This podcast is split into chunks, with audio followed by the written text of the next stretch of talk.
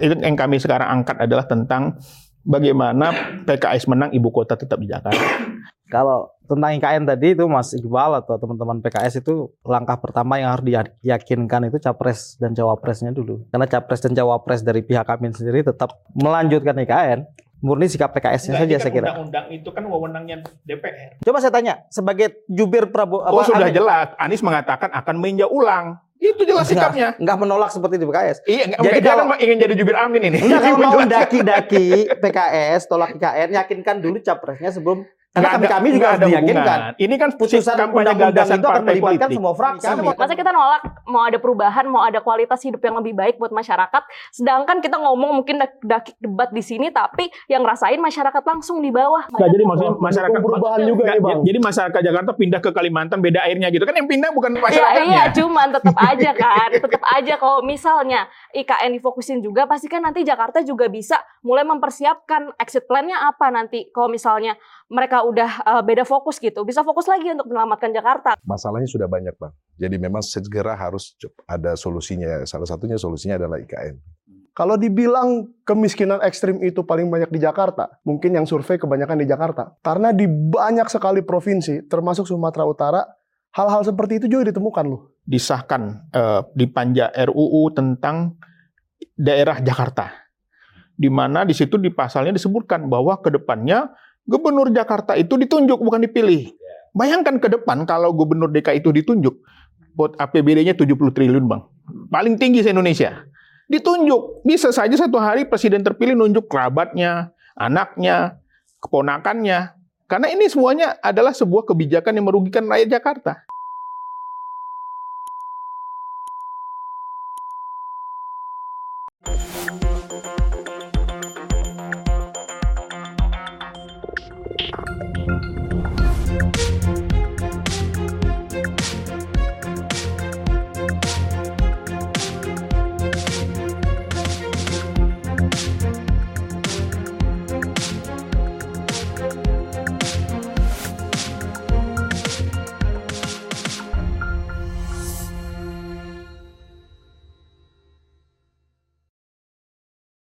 Bismillahirrahmanirrahim. Salam sejahtera buat kita semua. Assalamualaikum warahmatullahi wabarakatuh. Salam. Salam juga kepada kawan-kawan penonton Unpacking Indonesia di mana pun berada. Juga selamat datang nah, kepada narasumber kita pada hari ini yang sudah hadir bersama saya untuk bincang-bincang. Ngobrol-ngobrol santai. Santai, terima kasih. Ya, Relax, ngobrol ya. santai.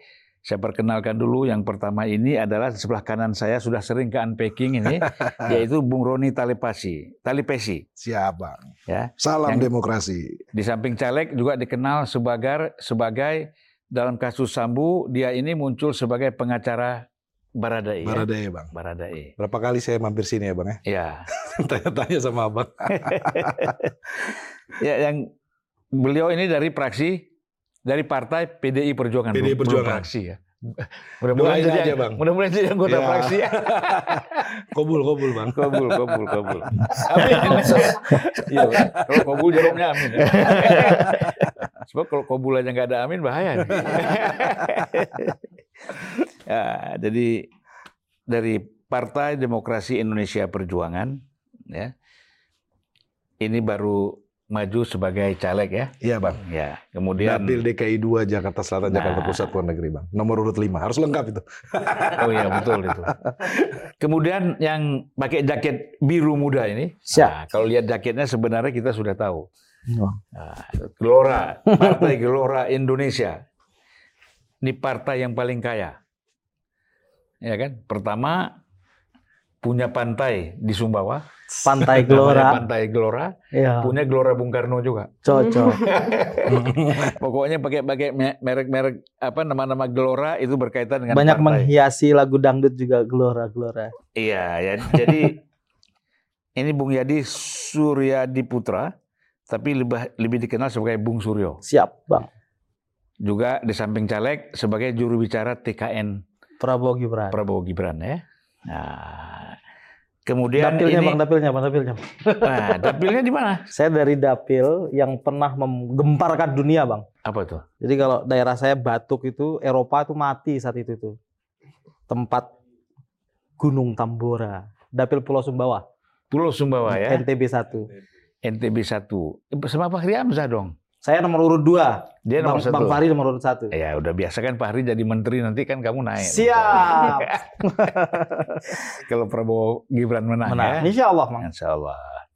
Lalu ini sudah cukup terkenal juga juru bicara dari sebenarnya juru bicara PKS ya Partai Kesejahteraan Tadi keadilan sejahtera. Partai Keadilan Sejahtera juga di Amin ini di tindak- Amin.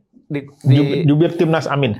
jubir timnas Amin kan eh, Anies dan Muhaimin. Muhaimin gitu dari Partai Kesejahteraan eh Partai Keadilan Sejahtera juga dari dapil DKI Jakarta 2. 2.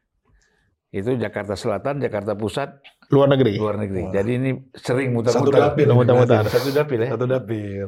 Di- Waktu di luar negeri sering ketemu nggak di pesawat di mana? Belum, gitu? belum. Mungkin udah ngintip-ngintip dulu nih. Nah, lalu ini Bung Michael Sinaga ya. Siap. Dapilnya di mana Michael? Kalau saya dapilnya di Sumut 1, Medan, Deli Serdang, Serdang Bedagi, Tebing Tinggi, Waduh. DPR RI. Dapil Dapil neraka. Dapil surga kalau Dapil surga. Bung Michael Sinaga ini dari Partai Kebangkitan Bangsa. Kebangkitan Bangsa. Di Medan kan suaranya termasuk besar dan tidak rumit kan, seperti Betul. Jakarta 2 juga. Bias. Jakarta. Ya, Jaksel. kota besar lah. Nah, Zebi Magnolia dari PSI. P- PSI ya. Hampir lupa saya nggak kelihatan tenggelam Zebi di tengah-tengah orang ini. Eh, kecil emang badannya. Zebi dari Partai Solidaritas Ya, Indonesia, ya. Panggilannya Zebi ya. Dapilnya Maju di DPRD DKI, Dapil 2 Cikoding dan Kepulauan Seribu. Wow. DPR, Nomor urut 3, DR DPR RI juga ya. DPRD. oh DPRD DKI, Dapil 2 Cikoding, Kepulauan Seribu. Cikoding Kepulauan Seribu. Waduh, itu bukan C- perkara. Cikoding apa? Cilincing. Cilincing, Koja, Koja. Kelapa Gading. Ah, Oh, Kelapa Gading. itu dapil berat juga itu. Berat juga. Semua berat sekarang. Kampanye ke Pulau Seribunya itu. Wah, Nunggu ombak bagus.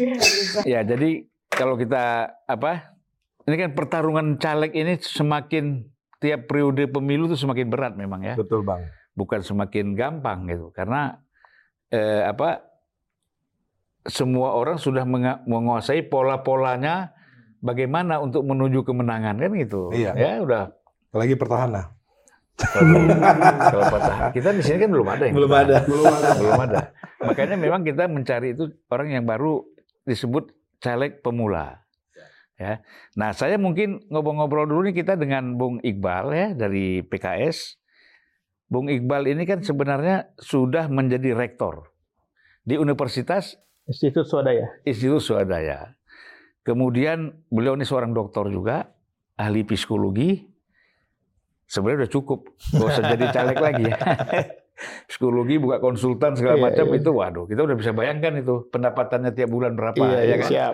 Apalagi seorang aktivis partai yang lumayan besar, Siap. ya. Kalau kita sebut di DPR sekarang kan papan tengah ya. Depan tengah. Nah, bersama dengan Nasdem, Demokrat, PKB. Eh, PKB. iyalah, Ya, Iya. PKB. Nah jadi ada masuk PAN juga jangan nggak kita sebut. Ya. nah jadi sebenarnya kan kalau kita lihat dari penghasilan itu sudah cukup, Iya. ya kan? Mungkin sudah ya cukup memadai lah, ya kan? Kaya enggak tapi cukup. Ada lah. Ada lah, kan gitu. Nah, cuman kan saya mau tanya, kenapa masih tertarik untuk maju sebagai caleg atau anggota DPR ini, Bung Iqbal? Ya, karena saya di DPR itu sebagai staf ahli sudah 14 tahun ya. Saya ikut Pak Hidayat Nur Wahid hampir 10 tahun sebagai tenaga ahli di Wakil Ketua MPR. Dan saya melihat memang eh, DPR sekarang ini perlu anak-anak muda.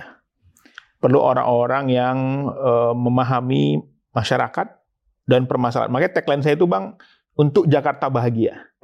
Kenapa? Karena saya melihat sebagai psikolog, banyak warga Jakarta ini nggak bahagia Bahagia ya. saat ini Eh, karena tadi faktor apa namanya masalah tekanan hidup kesehatan mental ya yang lagi ramai di kalangan remaja bunuh diri dan itu nggak bisa cukup dengan hanya satu lawan satu untuk konseling tapi perlu kebijakan salah satu impian saya adalah bagaimana ke depan Indonesia ini punya namanya Kementerian Kebahagiaan Ah, betul itu. karena betul. banyak orang nggak bahagia bukan hanya Jakarta sebenarnya seluruh Seperti seluruh Malaysia dunia. kan ada menteri kebersihan. Iya. Iya kan?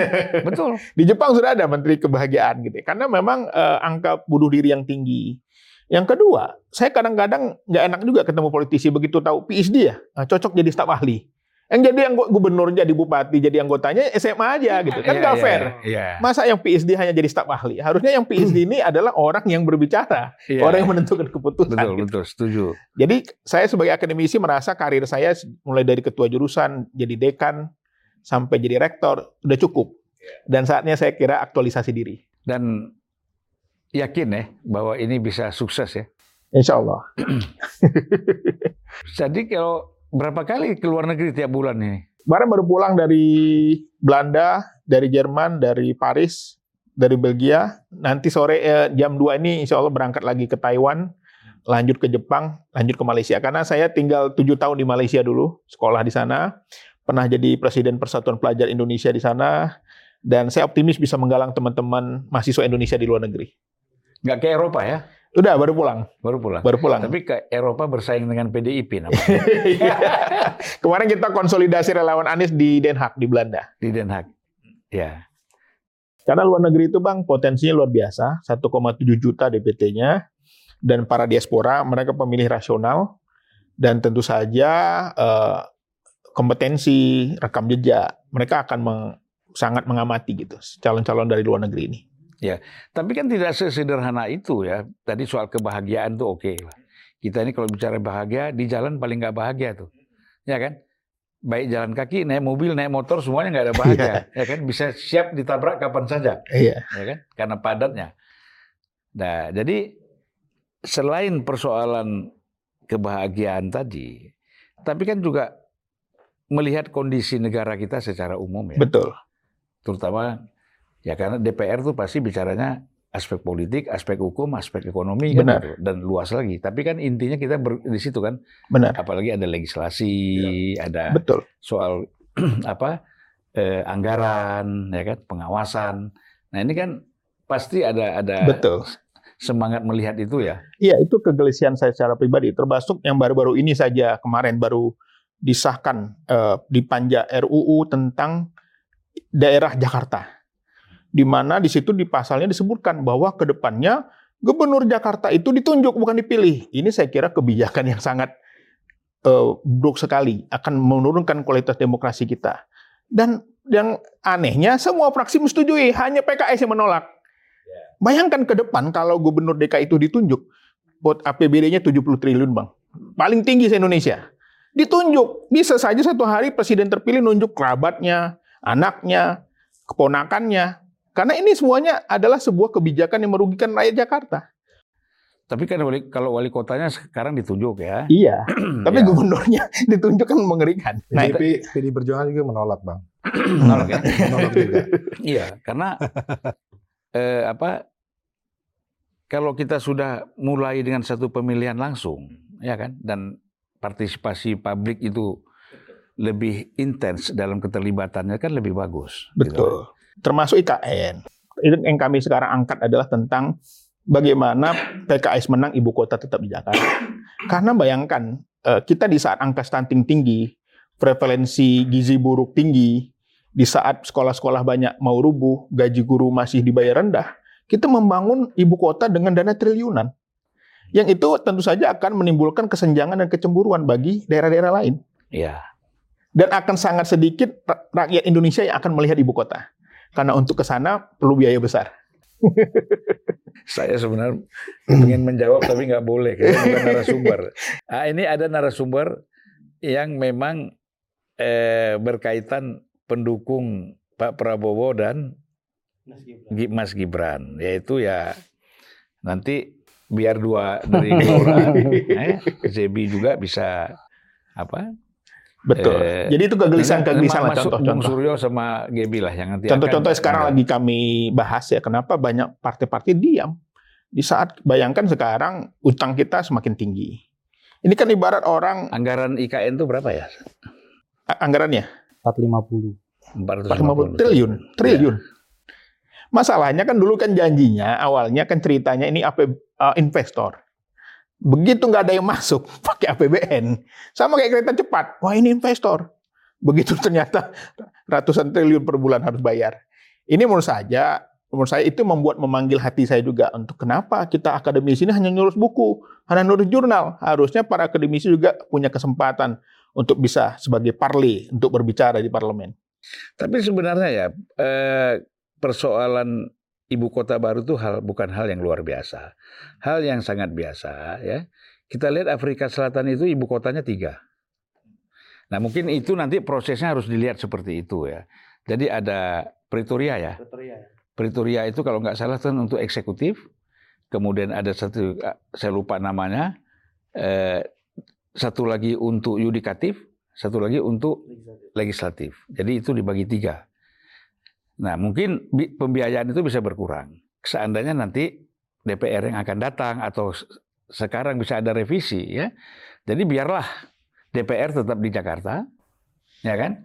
Pusat pemerintahan pindah di sana. Nanti mungkin DPR sama yudikatifnya, eksekutif sama yudikatif tetap di sini itu bisa. Itu tinggal diatur aja kayak Malaysia aja. Iya iya. Maka itu Malaysia kan juga. DPR-nya kan di Jalan Kucing itu kan. Iya itu enggak Putrajaya itu hanya jaraknya 40 menit dari Kuala Lumpur. Tapi sampai sekarang tidak semua orang mau pindah gitu. Yang jaraknya dekat loh. Ini kan dua jam naik pesawat. Ya. Berapa orang memindahkan berapa trip itu? Gak mudah. Ya nanti masing-masing menteri punya private jet. Bagaimana nih? Kita tanya dulu nih dari Partai Gelora nih. Kalau tentang IKN tadi itu Mas Iqbal atau teman-teman PKS itu langkah pertama yang harus diyakinkan itu capres dan cawapresnya dulu. Karena capres dan cawapres dari pihak Amin sendiri tetap menolak melanjutkan IKN. Caimin terakhir statement ini sudah jadi undang-undang, Pak Anies juga begitu. Ini murni sikap PKS Enggak, saja ini kan saya kira. Undang-undang itu kan wewenangnya DPR. Enggak, enggak ini Ini beda. Ini menolak berbeda. menolak IKN ini kan sikap PKS Itu kan bukan berbeda. sikap Amin kan? Sikap partai berbeda Ya. dengan sikap presiden wajar aja. Iya, Oh, artinya iya, yang iya. harus diyakinkan terlebih dahulu Nggak ada hubungan capresnya. itu, nggak ada hubungan. Bukan Tidak Pak dong. Anies Kalau- terakhir juga menolak IKN. Iya, Enggak lanjutkan, iya. enggak lanjutkan, Secara enggak berani. iya. Secara halus kenapa nggak berani kita dia Abu-abu ngomong kok, kok. jawabannya abu-abu kok. Jadi Bukan kalau abu-abu. perjuangan P, jadi jelas tadi ya bahwa sikap menolak IKN itu bukan sikap pasangan Amin, tetapi sikap PKS Nggak, kenapa sebagai partai kan. Prabowo yang jawab Nggak. ini? Enggak, enggak, sekarang saya tanyakan itu sikap sikap Karena- resmi pasangan Amin enggak? Karena mereka dukung IKN. Iya makanya itu Nah, kan Dia pengen jadi jubir ini Amin pengen juga. jadi jubir Nggak, amin tanyakan hatinya itu ini. Hatinya pengen jadi jubir amin ini. Udah bahas aja yang Prabowo aja Enggak nggak dong, usah sikap resmi Amin itu menolak IKN enggak? Hah?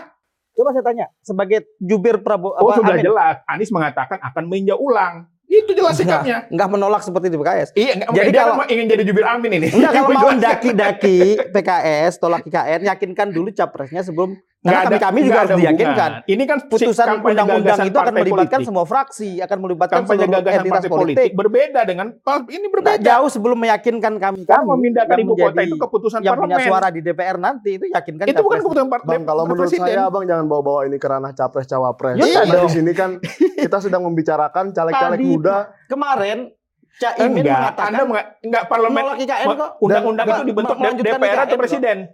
Undang-undang itu DPR Di atau presiden? Ya udah ngapain Ya. hubungan sama pre- kok. Ya, presiden? enggak dong kedua-duanya dong. Ya enggak. Enggak ada. Undang-undang itu parlemen. Enggak ada. Undang-undang itu parlemen. Enggak, saya ajarin sekarang tentang legislasi nih.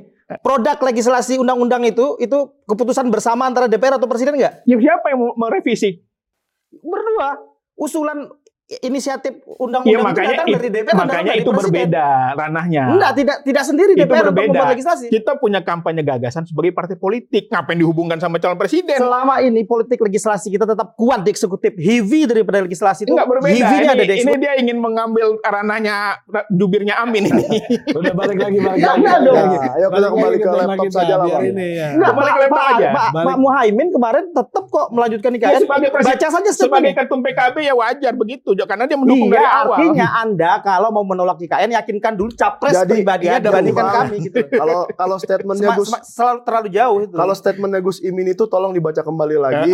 Itu undang-undang IKN sudah ada. iya, Soal apakah nggak ada kan kata-kata menolak soal- resmi seperti soal hari ini kan. Apakah nanti IKN itu bentuknya sama seperti yang dirancang oleh cawapres capres cawapres Anda itu nanti dulu sekarang diperiksa kembali lagi bang. kan existing Ya, undang-undang saya kan? rasa itu bukan undang-undangnya bukan kan ranahnya untuk kita Udah, perdebatkan. bukan di- ranahnya lah. Ini kan Enggak, makanya saya kasih tahu politik. steppingnya kalau mau menolak IKN, yakinkan internalnya dulu. Nggak ada hubungan. Jadikan itu sebagai urusan sikap kami. resmi. Itu urusan kami. Karena ke depan Anda Ya. akan meyakinkan kami Karena kami memang juga. hatinya Karena masih itu di produk legislasi undang-undang. Biar aman, setelah biar aman. presiden ya. Kita kasih dulu biar suara lembut. Iya, iya, iya. Suara lembut dulu dari PSI. Bagaimana? Ya kalau aku mungkin dari tadi kan kayaknya agak panas ya debatnya. Wah, itu biasa. panas. Itulah dunia politik itu Ya, ya. biasa itu, itu Ya, biasa. Di aku- DPR itu lempar-lempar gelas kita biasa. Tapi di luar peluk-pelukan lagi. Iya kalau tadi kan aku masih sebenarnya yang lebih bersentuhan tuh aku kan karena nanti DPRD berkaitan sama Hmm. gubernur juga. Ya. Terus kalau misalnya soal tadi yang pertama yang soal kemarin disahkan eh, di DPR itu kalau PSI emang selalu konsisten kemarin pun kita ngedukungnya proporsional terbuka gitu. Jadi meskipun nanti eh, DKI Jakarta jadi DKJ, tetap aja kan eh, DKI Jakarta itu bakal jadi fokusnya eh, ekonomi sektor ekonomi, sektor bisnis gitu. Jadi kita ngerasanya ya eh, kita juga pengen gubernur itu tetap dipilih secara langsung gitu. Kita pengennya demokrasi tetap berjalan, apalagi selama ini ya yang warga rasain bisa memilih langsung gitu loh.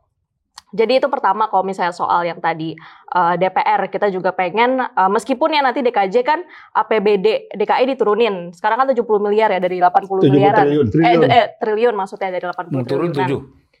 Ya turun. Hampir 80 triliun turun sedikit. Ya turun sedikit lah gitu. Cuma kan tetap penting gitu APBD-nya gede banget. Jadi menurut kita ya memang mesti ada pemilihan langsung juga. Terus kalau misalnya soal IKN tadi, eh, kalau aku bahasnya mungkin dari pengalaman langsung aja. Karena aku kan di pesisir di ujung Jakarta gitu ya. Aku ngelihat sendiri kondisinya kalau misalnya Jakarta itu ya pada pemukimannya itu makin mundur mereka hidupnya ya emang rumahnya tiap tahun harus makin mundur karena masa air lautnya makin naik gitu jadi gimana caranya kita bisa hidup layak gitu di ibu kota yang sebenarnya Duh, ya, keren. Caleg muda Ya, lu emang luar harus- biasa. ya emang sebenarnya harus ada perubahan gitu loh masa kita nolak mau ada perubahan mau ada kualitas hidup yang lebih baik buat masyarakat sedangkan kita ngomong mungkin dak- dakik debat di sini tapi yang ngerasain masyarakat langsung di bawah mereka Nah, tiap tahun masyarakat perubahan juga nih, Bang. Jadi masyarakat Jakarta pindah ke Kalimantan beda airnya gitu. Kan yang pindah bukan Iya masyarakatnya. iya cuman tetap aja kan tetap aja kalau misalnya IKN difokusin juga pasti kan nanti Jakarta juga bisa mulai mempersiapkan exit plan-nya apa nanti kalau misalnya mereka udah eh, beda fokus gitu bisa fokus lagi untuk menyelamatkan Jakarta karena sekarang udah ada ibu kota jadinya fokus-fokus buat yang misalnya tadi apa eh, yang udah berjalan di Jakarta itu bisa dipindahin ke IKN akhirnya jadinya fokus terkait isu-isu Jakarta yang sebenarnya selama ini dibahas soal Jakarta bakal tenggelam terus juga tentang uh, polusi. Jadi orang-orang tuh bakal lebih fokus ke isu Jakarta bukan bukan isu Jakarta sebagai ibu kota gitu yang selama ini dibahasnya soal uh, gubernur terus jadi tumpangan politik gitu. Jadi bisa fokusnya tuh lebih ke gagasan dan lebih ke isu-isu yang harus dibawa. Ya sebenarnya kan kalau kita lihat begini, pindah ibu kota misalnya ya, lalu banyak sekali kan ASN itu pindah ke sana semua. Udah pasti itu.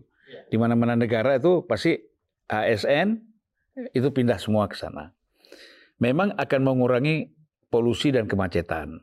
Itu satu hal ya. Misalnya kita lihat kalau libur sekolah di Jakarta ini selalu agak lengang jalan itu karena orang tua dan anak-anaknya itu ngantar pergi ke luar negeri atau keluar kota gitu kan. Nah itu yang yang secara langsung memang dirasakan. Nah tapi kan persoalannya apakah bagaimana mengontrol supaya Jakarta setelah nanti juga orang pindah bisa ditata lebih baik tidak juga seperti ini? Yang khawatirnya kita kalau kosong diisi lagi sama orang baru kan? Nah jadi sebenarnya menyangkut soal manajemen juga kan, Ah, soal manajemen juga. Kalau tidak dimanage dengan baik ya sama aja nanti akhirnya mengulang lagi, mengulang lagi, pindah lagi kita. Bagaimana Bung Roni? Betul bang.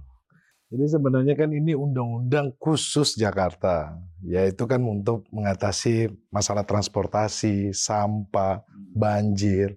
Terus yang tadi abang sampaikan bahwa eh, apa ini sudah Jam terlalu traffic jam ya, padat. traffic jam, kemudian polusi. Tetapi sekali lagi yang eh, kami melihat bahwa undang-undang khusus ini yang dibuat untuk Jakarta, tapi secara overall memang untuk menjawab apa me- me- menjawab eh, apa masalah yang ada di Jakarta. Tetapi yang terkait dengan pemilihan eh, gubernur yang secara Ditunjuk. ditunjuk itu kami juga pun merasa ya Itu yang tunjuk men- presiden. Iya. Ini, ini ini menunjukkan kita mundur demokrasi kita. Tapi kalau seandainya melihat dari apa yang terjadi di Jakarta, tentunya kita lihat bahwa memang Jakarta sudah eh, masalahnya sudah banyak bang. Jadi memang segera harus ada solusinya. Salah satunya solusinya adalah IKN. Ya, eh, sebenarnya tadi persoalan penunjukan itu untuk untuk tingkat dua sih nggak problem ya. Iya. Tapi saya kira kita kan otonomi itu seharusnya di mana-mana negara, nggak ada otonomi tingkat dua. Iya. Otonomi itu di setiap negara itu tingkat satu, Iya. pada tingkat provinsi. Nah kemudian otoritas untuk menunjuk siapa pembantu dia di masing-masing wilayah itu itu eh, diserahkan kepada gubernur. Betul. Nah, kalau pola lama sebelum kita reformasi kan presiden mengajukan tiga nama Ya. ke DPRD, DPR. kemudian DPRD memilih, Nah, dan itu belum pasti yang nomor satu itu akan ditetapkan sebagai eh, gubernur definitif. Betul. Itu yang kita berisiko, Bang. Berisiko menjadi ajang KKN. Kolusi, korupsi, dan nepotisme. Jadi karena eh, ini kami melihat pertanyaan apa urgensinya harus ditunjuk gitu loh. Padahal Jakarta dengan segala macam problematikanya, dengan segala macam eh, kondisinya, mereka tetap ingin berdemokrasi masyarakat Jakarta itu. Tiba-tiba ditunjuk misalnya. Kan bisa aja dia nunjuk siapa nanti kan? Bang Julpan aja lah katanya. bisa aja kan. Lagi tidur kita, Lagi tidur. tiba-tiba kita jadi Jadi gubernur. gitu. atau atau memang khusus buat si siapa gitu. buat si ini. Makanya, tapi Putra mahkota lagi semua kan. fraksi setuju ya. PD Perjuangan juga ikut Kami menolak. belum masuk. Enggak kalau PDI dia menerima dengan catatan termasuk Ya. pem- Kita pasal menolak. tentang penolakan Kita eh, penolakan eh, soal penunjukan itu. Tapi kalau secara um- partai yang ada di parlemen yang menolak PKS. Karena kita melihat bahwa urgensi pemindahan ibu kota ini menjadi catatan penting juga. Karena apa? Melihat masalah di Jakarta ini sudah terlalu kompleks, Bang. Tetapi yang menjadi catatan khusus kita yang soal pemilih apa ditunjuk langsung oleh presiden Berarti gubernur. PKB yang dukung itu harus di Ah, gitu. argumentasi PKB apa yang mendukung, di, kenapa didukung Jadi PKB? gitu loh. Jadi Tadi kami PKS sama PDI nolak kami nih. PD PKB Perjuangan gimana kenapa kita mendukung? PD Perjuangan melihat dari sisi yang lebih luas Jadi bagaimana jadi maksudnya nggak apa-apa. Kan kita, sebagai partai di luar parlemen Ya, biar tahu Bang, kan biar Julpan lah yang jawab. Biar, biar Bang Julpan yang nanya, jangan. argumentasi. Biar Bang Julpan yang kita beri kesempatan dari PKB, Bung Iya. Michael. Ya kalau kalau menurut saya kita sudah terlalu banyak lah berbicara tentang ini. Kalau memang soal penunjukan itu saya juga merasa itu tidak tidak benar lah. Ah, itu juga itu juga kita merasa tidak benar bahwa kalau kita lakukan penunjukan seperti itu, kapan lagi kita mendapatkan kapan kapan kapan lagi kita mendapatkan calon presiden sebagus Anies Baswedan? Mm-mm. Kalau menurut saya seperti itu. Nah, kalau soal proses yang sudah berlangsung di DPR, biarlah itu berlangsung di DPR. Saya juga belum duduk di sana kan, Bang. Mm-mm. Jadi eh, kita juga belum bisa eh, bersuara mewakili senior-senior yang sudah duduk di sana. Nah, saya sebagai caleg muda, mengapa saya eh, mungkin lebih pasnya saya ditanya kenapa saya mencalonkan diri seperti itu. Ya, kok Tadi saya- memang kok itu saya juga jadi hostnya kita kan? pertama. Tapi Ah, ini kok, kok jadi kok jadi Bukan. berbicara IKN gitu. bukan saya yang bicara ini ini, IKN, Bung ini Iqbal bicara Ya, IKN. memang itu yang paling hot sekarang. Nggak ada yang lain udah. Iya. Soalnya kayaknya Partai Gelora pengen belajar dari PKB. Gimana Iya. sih cara masuk parlemen? Ya, iya, iya, Nah, iya. jadi pertama, kita harus belajar. ya, ya pertama, ya karena PKB kan Harusnya pertama juga kali bukan langsung masuk ya. PKB belajarnya. Siap. Belajar ke semua. PKS. Oh senior ya. Oh iya betul. senior. belajar sama PD Perjuangan lah. Apa Dari semuanya lah bang belajar. Jadi Nah, bang, kalau kita ungkit, siapa yang ngangkat isu UKN ini? Leadingnya PKS. Nggak ada partai lain berani ngomong. Balik lagi. Karena semuanya nolak, nerima kita yang nolak. Ya, Satu-satunya. Ya tapi kan begini juga. PKS ini kan termasuk lihai menurut saya. Tahu mengangkat mana yang memang disenangi sebagian orang. Ya, jadi isu IKN itu memang siapa pun saya kira nanti PDIP akan mencari sisi lain lagi apa yang mau diangkat kan. Yang penting isu itu ditangkap masyarakat, ada perbedaan kan. Ya karena kan PK, eh, Amin ini kan mengambil tagline perubahan. harusnya Ya. dukung. Enggak Berubah kan?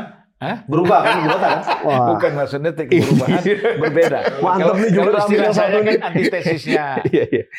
Amin ini Anis itu kan antitesisnya Pak Jokowi. Ya. Nah, jadi memang cari perbedaan-perbedaannya itu di mana. Jadi kalau sama ya nggak ada perubahan. Iya. Nah. Kalau kita PD Perjuangan, Bang, selama ini menjadi manfaat untuk masyarakat, tentunya kita dukung. Tetapi kalau ada hal yang memang tidak sesuai, karena akhir-akhir ini kita lihat bagaimana demokrasi ini terjadi kemunduran, Bang. Itu yang kita khawatirkan karena proses bagaimana PD Perjuangan ikut eh, memperjuangkan reformasi dan kami tidak mau saat-saat ini hal-hal yang kita melihat bahwa kecenderungan terjadinya kemunduran demokrasi kemudian di Kalau dalam PDIP bukan ikut.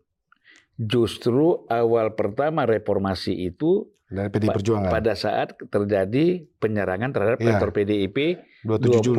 27 Juli itu kuda kan. tuli betul. Nah. jadi sejarah memang mencatat. Dan sekali lagi kita melihat eh, apabila ini memang menjadi kebutuhan masyarakat dan bisa secara rasional dan memang ada urgensinya kita akan dukung.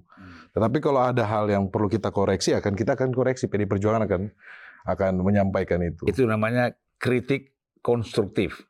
Ah, boleh aja kritik kalau koreksi boleh kan. Selama konstruktif kan ada masalah. Ya. Walaupun dari PKS ya. jadi kami tidak hanya sekedar elektoral saja bang tapi kita lihat eh, manfaatnya Ya Bung Suryo. Siap. Ini kan begitu kita masuk DPR. Itu kan kita melihat langsung tanggung jawab. Ada tiga kan. Yaitu pengawasan, kemudian Legislasi, legislasi, budgeting. budgeting anggaran. Nah ini ini tiga masalahnya nggak gampang ya menurut saya. Kita bisa aja bilang wah ini kita pengawasan ini justru yang banyak problem tuh di pengawasan, Ya. ya kan? Satu, kedua di anggaran. Legislasi banyak masalah, tetapi sering tidak tidak terlalu banyak keluar menjadi pembahasan publik kecuali undang-undang tertentu seperti KPK ya kan? Nah kemudian dulu sempat ramai juga kan amnesti misalnya. Ada beberapa beberapa lagi lah. Nah. Omnibus law. Ya omnibus law sampai sekarang tuh cipta kerja belum selesai-selesai kan? Pertanyaannya begitu kita masuk ke dalam DPR ini kan kita menghadapi tiga tiga Hmm. fungsi DPR tadi. Hmm. ya kan? Pengawasan legislasi eh, Budgeting. nih budgeting. Kalau kita bicara pengawasan sekarang ini dan anggaran, itu kan terus terang saja masih banyak problem ya. Misalnya ini semuanya keterkaitan. Keterkaitan ada BPK yang ketangkap, ada menteri yang ketangkap. Ini kan asal usulnya kan anggaran yang disahkan oleh DPR. Ya kan? Teman DPR hanya DPR ini kan tidak lagi ikut fungsi mengawasi penggunaannya. Kan gitu. Kontrolnya kan tidak ada lagi. Tetapi di dalam regulasinya setiap komisi itu kan ada. Iya. Kementerian-kementerian tertentu yang harus mempertanggungjawabkan. Nah, ini bagaimana kita mengatasi masalah ini? Jadi Bang pasca eh, pertemuan IPU 2013 kita di DPR kemudian menyusun undang-undang MD3. Kebetulan saya ini membentuk satu lembaga research eh, Open Parliament Institute sehingga agak in touch dengan berbagai isu-isu parlemen. Kita mendorong isu parlemen terbuka sebagai satu konsorsium bersama dengan Open Government dan lain-lain. Jadi memang kita fokus mengadvokasi DPR. Fungsi DPR hari ini sudah bukan tiga, Bang. Itu ada lima. Legislasi, pengawasan, budgeting, ada asas representasi. Tugas utama seorang anggota parlemen itu sebenarnya adalah representasi. Dia merepresent dari eh, konstitu- konstituensi begitu. Kemudian yang terakhir itu adalah eh, fungsi diplomasi juga. Tiap anggota DPR punya fungsi diplomasi. Untuk itu kemudian lahirlah Undang-Undang 17 2014 MD3 saat itu dan kemudian diturunkan di dalam tatip DPR. Itulah penjelasan kenapa kemudian hari ini tenaga ahli anggota dewan itu ada lima Hmm. yang diasumsikan untuk memegang fungsi daripada anggota lima tadi. Jadi ada satu tenaga ahli bidang representasi ditaruh di dapil, begitu negara yang bayar itu. Kemudian ada tenaga ahli yang ngurus legislasi dan kelima-limanya itulah penjelasan tentang kenapa ada lima tenaga ahli dan kemudian dua eh, tenaga administrasi. Nah, saya kenapa kemudian semisal hari ini masuk ke DPR karena memang hari-harinya di situ saya dulu dari 15 tahun jadi tenaga ahli di komisi di Komisi berapa? di komisi 2 itu saat Oh, pemerintahan ya. Iya, pemerintahan. Nah, eh, intinya kami ingin melakukan penguatan terhadap parlemen. Parlemen kita lemah hari ini. Di dalam sistem presidensial yang namanya oposisi itu adalah parlemen. Bukan sekedar rakyat. Jadi daulat kuasa rakyat itu ada pada parlemen. Ketika masyarakat memilih anggota parlemen beda dengan memilih presiden adalah ketika orang memilih presiden, hai kau, saya titipkan uang 3000 triliun APBN ada di kantongmu, gunakan sepenuhnya untuk kami. Itu kan ketika rakyat nyoblos presiden. Tapi ketika rakyat nyoblos uh, anggota DPR, hai kau, itu ada uang di kantong presiden 3000 triliun, saya pilih kamu, awasi tiap rupiah yang ada di sana. Maka yang paling kuat daripada hak uh, fungsi DPR itu sebenarnya adalah ada pada pengawasan kemudian dikunci pada budgeting. Meskipun di budgeting sekarang sudah dilemahkan juga oleh MK dia tidak bisa masuk ke uh, satuan tiga. Kan nggak ada lagi. Kalau dulu kita bahas RKKL itu banget segini satu kementerian satu dirjen aja segini. Sekarang satu lembar sudah selesai. Karena kita nggak bisa lagi uh, mengezoom proses penganggaran yang ada di eksekutif. Padahal satu-satunya kekuatan DPR untuk menekan eksekutif itu adalah pada budgeting. Budgeting pun hari ini di, diperlemah Nah ini yang bagi kami eh, eh, kenapa kemudian terjadi pelemahan yang begitu kuat terhadap DPR bahkan di detik anggota DPR terpilih langsung rakyat mengatakan bahwa semua statement-statement anggota DPR, statement-statement parlemen itu tampak seperti bukan statementnya mereka begitu, nggak ada urusan gitu eh, antara yang seharusnya pemilu itu adalah survei, the real survei tentang apa kehendak rakyat. Terrepresentasilah pada anggota DPR yang terpilih itu, tapi once mereka terpilih, kata-kata mereka dianggap bukan bagian dari kata-kata rakyat. Nah, pelemahan itu terjadi banyak hal. Kami di uh, Open Parliament Institute Bank pernah menyusun satu indikator kinerja DPR. Kesalahan terbesar orang membaca DPR adalah karena menganggap DPR sama dengan eksekutif. Di dalam eksekutif pengawasan terhadap atau indikator kinerja eksekutif itu ada yang namanya lakip, Bang. Berapa hari orang masuk kerja, berapa jam orang masuk kerja, produknya jelas berupa barang yang material. Sama dengan semisal di perusahaan rokok. Hadir dan tidak hadir buruh di perusahaan rokok itu berhubungan dengan produktivitas berapa rokok yang dihadirkan, yang mampu diproduksi. Ketika orang tidak hadir maka akan ada sekian ribu rokok yang tak terproduksi sehingga kinerja buruk. DPR kadang dievaluasi dengan basis kinerja eksekutif. Semisal hadir dan tidak hadir dianggap sebagai produktif atau tidak produktif. Ketika ruangan kosong itu dianggap sebagai oh DPR-nya nggak produktif. Padahal di dalam lembaga politik seperti DPR itu hadir itu adalah voting right. Tidak hadir di dalam sebuah pertemuan itu bagian daripada sikap politik seorang politisi. Saya masuk semisal ke dalam sebuah uh, ruangan yang secara kuantitas fraksi saya tidak kuat sehingga saya tidak setuju dengan uh, percakapan itu saya akan masuk kemudian membuat uh, menutup mulut dengan lakban. Saya tidak bicara pun itu adalah sikap politik saya. Bahkan tidak hadir pun adalah sikap politik. Nah itu kesalahan yang pertama adalah hadir dan tidak hadir dianggap sebagai buruk baiknya kinerja DPR. Yang terakhir lah ada banyak indikator saya sudah buat indikator yang berbeda dengan indikator kinerja eksekutif. Yang terakhir kadang DPR itu dilemahkan oleh publik sendiri publik pemilihnya karena semisal tentang jumlah produksi undang-undang. Kita punya yang namanya prolegnas di awal tahun ditetapkan bersama eksekutif 100 misal pro, prolegnas prioritas dalam satu tahun. Dari 100 undang-undang atau RUU yang direncanakan akan diselesaikan semisal hanya uh, selesai 5 undang-undang itu dianggap sebagai kinerja buruk. Karena 100 perencanaan, 5 yang menjadi undang-undang. Padahal di dalam DPR jumlah perencanaan dengan ujung produk itu tidak menunjukkan indikator baik atau buruk karena di dalam DPR itu ada yang namanya setuju dan tidak setuju. Tiba-tiba semisal ada satu RUU yang datang dari eksekutif tahun 2024 jomblo harus disuntik mati semisal itu menjadi RUU. Apakah DPR harus setuju? Nah, ketika dia tidak menjadi undang-undang itu justru kan baik. Maka tidak bisa mengukur kinerja DPR itu berdasarkan berapa perencanaan RUU dan berapa undang-undang yang jadi. Nah ini yang penting ya, maksudnya teman-teman muda ini untuk merubah frame buruknya ya, DPR hari kita ini. Nah, itu kan persepsinya Suryo.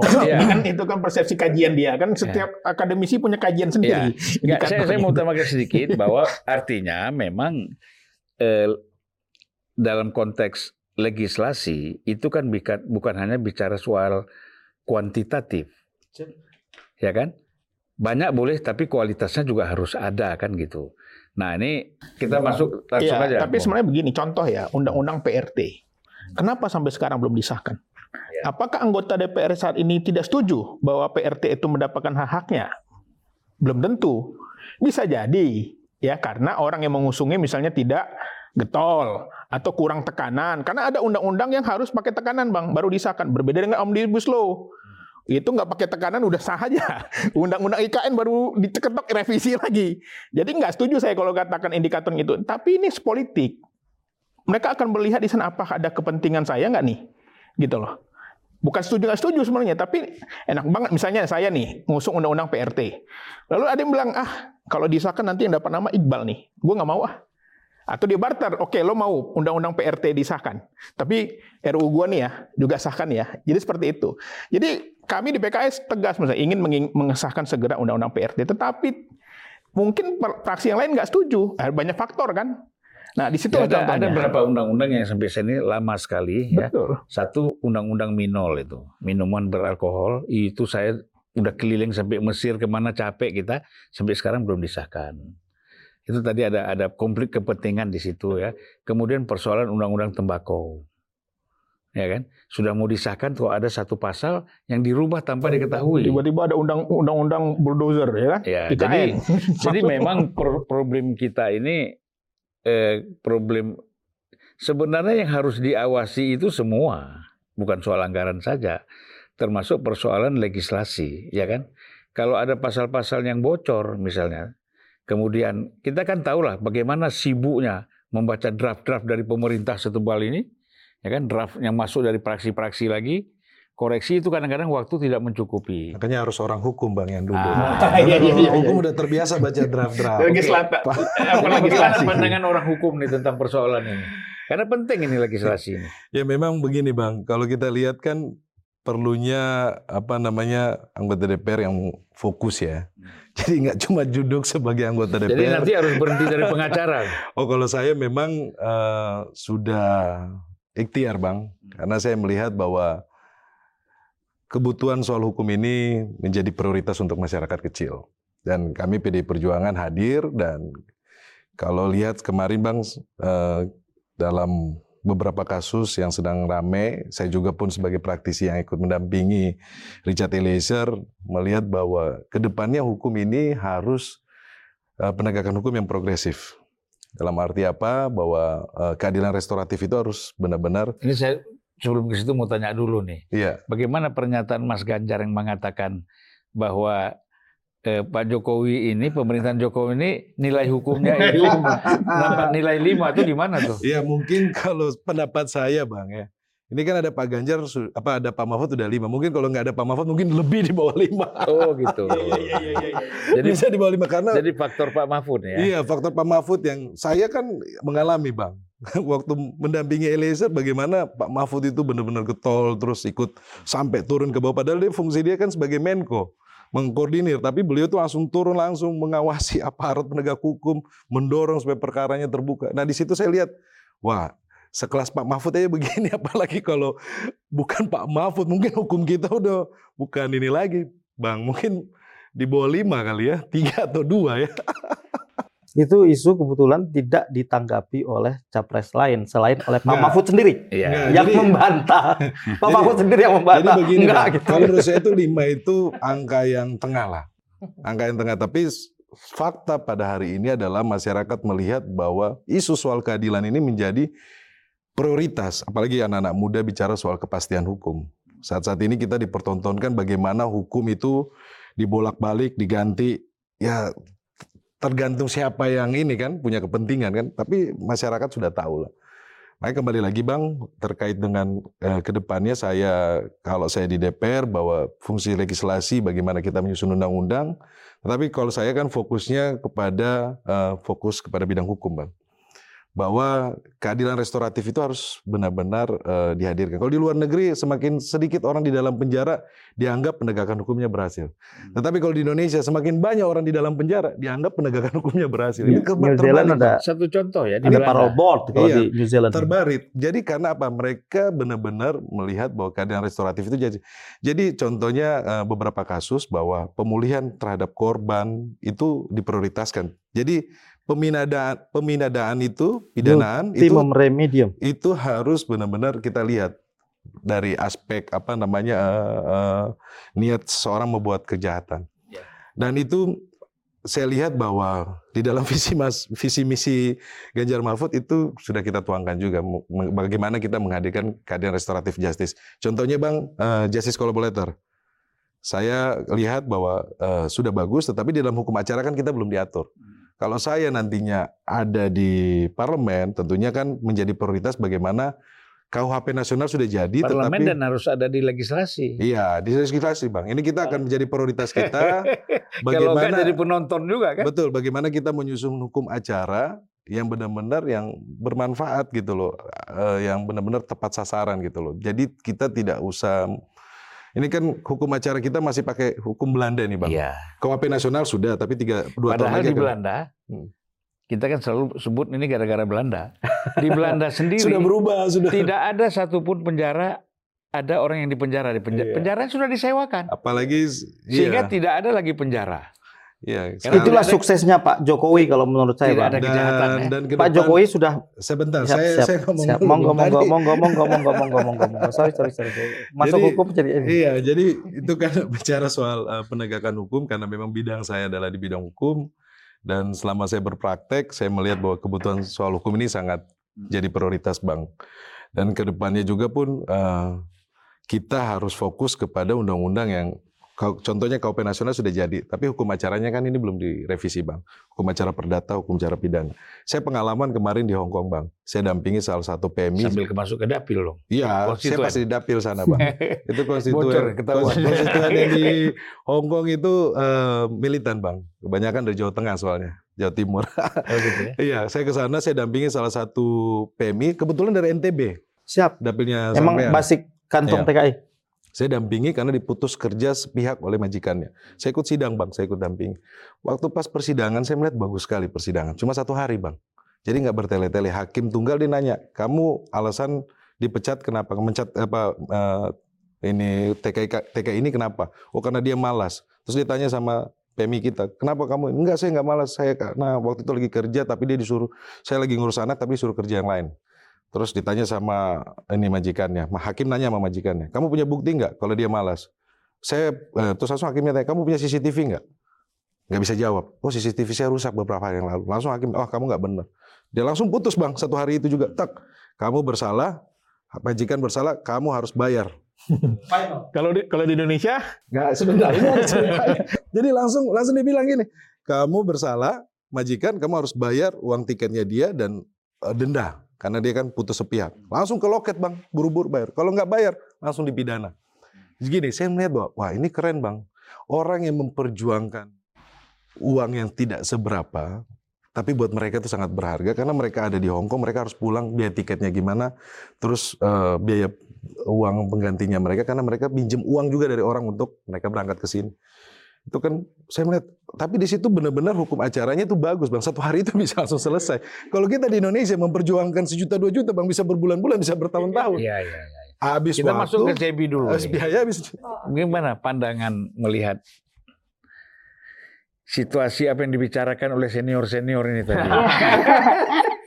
ya sekalian belajar juga lah ya. Cuman eh, ya kalau misalnya kita bahas tadi kan udah banyak lah narasi-narasi soal demokrasi turun ataupun kayak hukum sekarang eh, kayak gimana. Saya pikir itu ya narasi-narasi yang menembak kaki sendiri sih. Karena ya sekarang kita lihat eh, kalau misalnya di survei eh, ternyata yang tetap naik ya juga capres dan cawapres yang PSI dukung gitu, Mas Prabowo dan Mas Gibran gitu. Terus kalau misalnya soal Survei dibuat ya. Enggak, terakhir bahkan udah melebihi 40% persen gitu. Kita tunggu litbang kompas. Ya intinya maksudnya narasi-narasi itu udah lewat lah gitu. Balik lagi sekarang kalau misalnya bahas lagi soal aku sendiri kalau eh, kakak-kakak yang lain kan di DPR ya. Kalau aku lebih ke DPRD gitu, yang fungsinya ngeliatin perda dan juga pengawasan eh, buat APBD juga, apalagi APBD DKI itu lumayan besar. Nah balik eh, kenapa eh, berangkat aku untuk eh, nyalek ini kalau boleh atau Ya, ya, kepanjangan. silakan, silakan.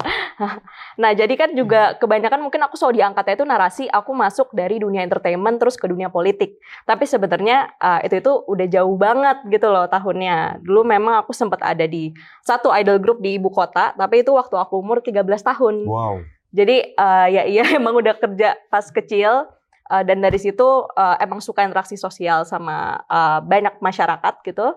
Terus uh, mulai uh, waktu itu aktif di kampus. Jadi aku uh, di London School uh, jurusan aku itu hubungan internasional. Dan waktu itu ini yang pengen aku tekenin banget sih karena aku ngerasanya aku itu orang mediocre di politik. Maksudnya orang biasa aja karena uh, aku orang yang tadinya awam banget soal politik yang seumuranku ya kan aku oh ya aku juga mengasih tahu aku umurnya 23 tahun. Kalau aku sama teman-teman nongkrong tuh ngomongin politik itu kayaknya aneh gitu. Aneh banget dan kayak tabu gitu. Jadi kayak dulu bahkan aku nggak tahu ada DPP, ada DPW, DPD, DPC jadi nggak ngerti cara politik kerja itu gimana gitu. Terus kayaknya selama ini aku ngomonginnya ngelihat di sosial media teman-teman ngepostnya malah soal uh, isu-isu luar negeri. Uh, contohnya mungkin kalau misalnya bisa sebut Black Lives Matter dan lain-lain gitu ya. Tapi aku ngelihat uh, kok kayaknya aku nggak peduli soal isu Indonesia sendiri gitu ya. Uh, Sebenarnya apa sih yang terjadi gitu? Kenapa sih anak muda tuh alergi banget uh, ke politik? Akhirnya masalah terbesar anak muda itu untuk masuk ke politik adalah barrier to entry point. Gimana caranya kita bisa masuk politik kalau kita bukan anak siapa-siapa? Gimana caranya kita bisa masuk politik kalau misalnya ya uh, kalau di kampusku kan nggak ada omek-omek gitu kan ya. Jadi nggak ada uh, edukasi politik gitu loh. Akhirnya aku ngelihat PSI Jakarta buka lowongan magang. Jadi magang di partai politik itu kan Iya. kayak agak aneh kan. Nah di situ ngelihat politik praktis, aku ngelihat oh eh, ternyata ya kita selama ini ngelihat lah di kebun sirih itu nggak pernah sepanas ini DPRD itu nggak pernah diomongin sampai PSI masuk ke DPRD DKI Jakarta di kebun sirih karena PSI yang pertama kali waktu itu bikin eh, live report gimana anggota dewan apa namanya eh, menyusun eh, perda dan juga gimana mereka melakukan pengawasan dari situ baru fraksi-fraksi lain eh, mulai ngikutin PSI gitu. Nah dari situ aku makin sadar kalau misalnya sistem itu dijalanin dengan benar, dengan orang-orang yang benar, politik itu adalah jalan mulia. Dan aku ngelihat sendiri uh, di background di belakang layar ya, aku tuh diliatin uh, evaluasi uh, apa sosperda dan juga resesnya anggota dewan itu dievaluasi sama DPW DKI Jakarta. Jadi benar-benar sistemnya itu berjalan transparansi juga akuntabel tiap tahun kita selalu bikin laporan kita mau bikin apa dan juga laporan keuangan uh, tahun ini ngeluarin apa aja gitu. Nah dari situ uh, pas aku magang juga aku sekalian ngajar juga sama teman-teman. Jadi waktu itu kan lagi isu-isu uh, kalau misalnya kita bilang yang seumuranku tuh krisis iklim. Orang-orang mungkin kan taunya perubahan iklim gitu. Terus waktu itu aku ngerasanya uh, anak muda ini selalu anak muda yang seumuranku sekarang tuh aku ngelihatnya Berproses. push di push gitu terus loh kayak oh anak muda tuh harus Indonesia emas anak muda tuh harus ini gini Harus Karena berproses. emang ada Harus berproses juga gitu Ketemunya dua hari tadi. enggak itu sebenarnya udah lama kita kita udah ada proses komunikasinya Ya, tapi itu nggak dua hari itu nggak dua hari kita kita udah berteman kita udah berteman Kita harus- dengan Mas Kaisang Ini kesempatan saya mengkorek mengkritik anak muda. Anak muda. nggak konsisten. PSI. Nggak konsisten. Ayo, lawan, lawan, Nah, itu kan lawan. banyak yang nggak Lawan, tahu lawan. tentang apa yang di belakangnya sebenarnya terjadi gitu. Oh. Tentunya nanti kan kalau anak misalnya kalau ada misalnya kalau misalnya nanti langsung dikeluarin publik malahan langsung ada narasi-narasi aneh yang selama ini dibawa-bawa kalau misalnya narasi-narasi Kalau dia Ah, bukan anak nanti- presiden, ya, mungkin ya. nggak akan jadi ketua. tapi kan kita lihat sekarang narasi itu ternyata ya tidak berdampak eh, juga jadi kita fokus aja ke gagasan ke isu dan Mantap. sekarang eh, lanjut lagi tadi intinya aku ngelihat ternyata proses politik itu bisa menjadi proses yang menyenangkan bisa membantu banyak orang dan pada saat itu karena lagi krisis iklim dan juga tadi nyambungnya soal IKN mas aku sempat ngajar eh, di Cilincing sama teman-teman bikin NGO jadi aku ngelihat sendiri orang-orang yang terdampak rumahnya itu makin mundur tiap tahun tapi mereka gak ngerti itu itu karena perubahan iklim tapi pas aku mau ngajarin perubahan iklim, ternyata bahasaku terlalu tinggi. Jadi aku baru sadar kayak, oh ternyata di ibu kota di DKI Jakarta yang udah setinggi ini gitu ya orang-orang lihat ibu kota udah keren gitu. Tapi di Jakarta Utara di dapilku ini emang eh, dapil yang paling banyak kemiskinan ekstrim. Jadi ada indikatornya kemiskinan ekstrim tuh gimana? Eh, contohnya dari karakteristik. Misalnya mereka umurnya 45 tahun, tapi pendidikannya lulusannya SMA. Abis itu mereka tapi punya tanggungan la- lansia juga, punya tanggungan balita juga gitu. Ya jadi eh, buat upah sehari-hari aja tuh susah gitu. Paling mereka sehari tuh ngeluarin 11.000 ribu. Nah aku ngerasa kalau misalnya ingin ngerubah hal tersebut, ya masuknya dari pendidikan. Makanya aku fokus di pendidikan soal programku sendiri ini. Sekarang kita emang udah ada KJP Plus, bagus banget. Aku 12 tahun gratis eh, sekolah negeri. Terus juga ada KJMU. Tapi masalahnya di mana? Eh, karena kalau misalnya kakak-kakak tahu, tahun 2022 itu DTKS eh, dan juga KJP Plus itu jadinya mandek, mandek 82 miliar. Karena verifikasi data, permasalahannya kalau di DPRD DKI mungkin dari dinas sosial dan juga dari dinas pendidikannya itu eh, ya verifikasi datanya itu masih terlambat. Ya, jadi aku ngerasanya perlu masih banyak perubahan yang dilakuin di DKI Jakarta dan salah satu dasarnya itu lewat pendidikan gitu. lah ya. ya tapi kita harus melanjutkan juga program-program yang memang udah dilakukan Ya. oleh Pak Jokowi. Banyak Jadi sebenarnya saya hanya ingin men- satu hal ya. Jadi siapa pun tidak usah takut untuk menjadi caleg ataupun menjadi anggota DPR kalau punya pikiran-pikiran yang berkembang kan Betul. untuk menyelesaikan persoalan-persoalan yang ada. Nah ini karena Bung Iqbal ini mau berangkat ke Taiwan ya. Iya. Ini penting ini dapil ini. Jangan sampai apa? Kalau di Taiwan sudah ada Ronita Lapesi. Ah. Bukan.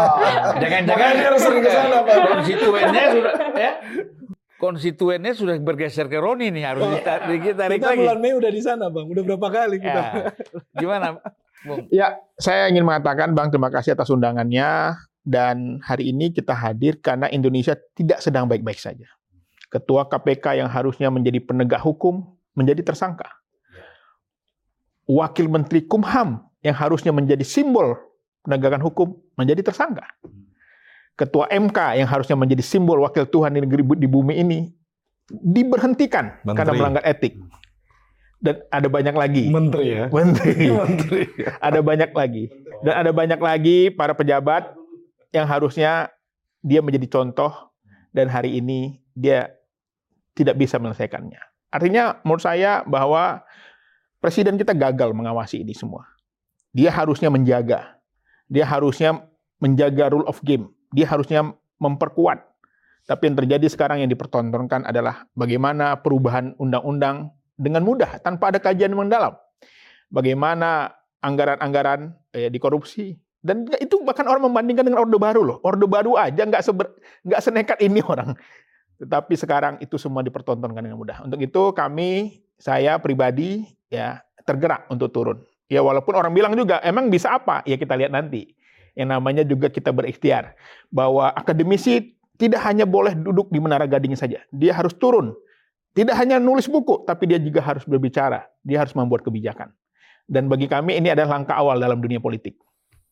Ya jadi klepto kleptokrasi politik itu ya, money politik misalnya yang sudah terjadi kan udah memang bahaya sekali ya. Betul. Sudah sampai pada tingkat bahaya terutama memang berangkat dari persoalan suap menyuap mulai dari pemilu, pilkada, pilpres, Ya.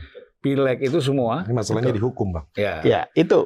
Makanya tadi orang juga banyak bilang saya begini, lo ngapain sih dosen menjadi politisi? Udah dosen-dosen aja. Tapi saya bilang ingat, ada satu orang dosen yang dia pernah menjadi terpilih suaranya tertinggi se-Indonesia. Hidayat Nur Wahid, Dr. Hidayat Nur Wahid, dan dia seorang dosen. Hmm. Dan dia ingatkan kepada saya bahwa kuncinya adalah integritas. Oh, tertinggi suara se-Indonesia, nggak makin politik, bisa gitu loh. Kalau punya integritas. Nah ini sekarang kita harusnya para akademisi, jangan hanya juga mengkritik di tulisan, tetapi juga kenapa tidak politis akademisi itu juga berpolitik. Ada problem begini, Bung. Nah, seperti Bung Iqbal ini kan ada akses politiknya langsung dengan Pak Hidayat Nur Wahid. Tapi problem lain ketika saya mengajak, saya kan rajin keliling ke kampus-kampus, Iya. ke provinsi-provinsi, mulai dari timur sampai ke barat. Ketika kita mengajak mereka menjadi caleg, caleg ada problem. Untuk menang itu perlu uang. Nah, di sini dosen ini dari mana? Nah, kadang-kadang kan partai politik ini merekrut orang-orang yang bagus dari kampus, tetapi kan tidak disupport. Kita kan tahu kan, Iya. sekecil-kecilnya kalau anggota DPR itu, sekecil-kecilnya, paling nggak 2M tuh harus keluar, Iya, itu paling iya. kecil. Iya. Kalau mau menang lagi nanti tambah lagi 3M sampai 5M, Ah, itu penghitungan suara menggelembung lagi. Nah, oleh karena itu tadi kaum intelektual yang di kampus-kampus ini memang agak keberatan untuk masuk di situ. Ya gimana?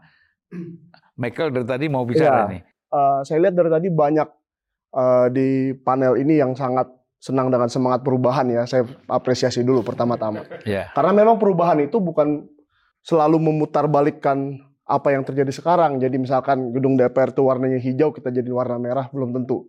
Tetapi itu memperbaiki juga apa yang sudah ada sekarang, tapi masih terlupakan. Masih banyak itu yang terlupakan. Contohnya seperti di dapil saya. Kenapa saya maju itu kan pertanyaannya di hari ini.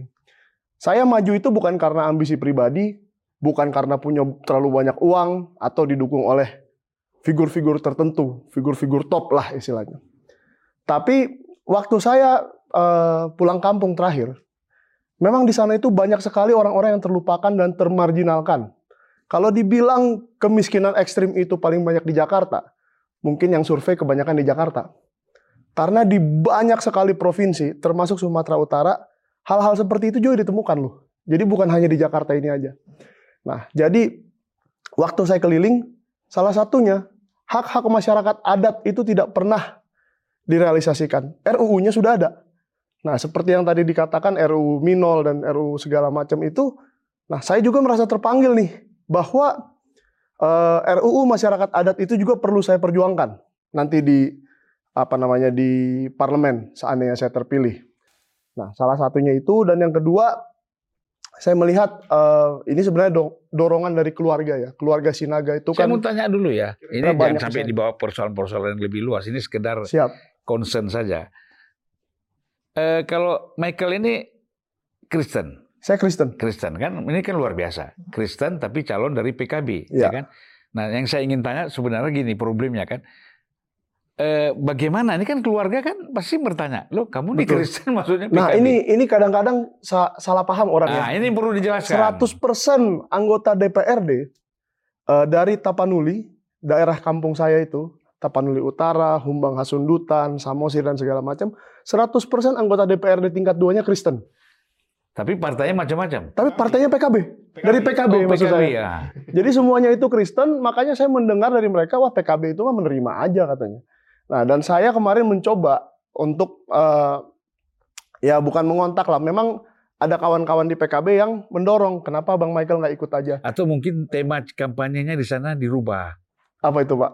PKB kan Partai Kebangkitan Bangsa. Siap. Di sana dipakai Partai Kebangkitan Batak. Wah.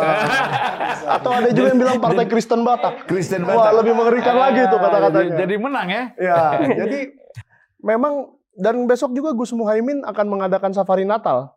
Pak Anies dan Gus Muhaimin. Saya belum dengar nih safari Natalnya Prabowo atau Ganjar, tapi kami sudah Oh, kami, sudah kami udah sudah ketemu melakukan. uskup, kami udah mulai. Oh, kalau ketemu Papua. uskup udah sering, Bang. Gitu, tapi ini udah. ini safari Kami Natal. ada Natal juga nanti tanggal 14 Desember. Ya, kami jadi, ini- jadi nggak- nggak kami bisa. akan mengadakan roadshow safari Natal. dilaksanain aja lah, usah Iya. Oh, Ya, dengar seperti- dulu dong punya saya. Ya, ya, ya. Ya, Safari Natal ini roadshow, roadshow tujuh kota.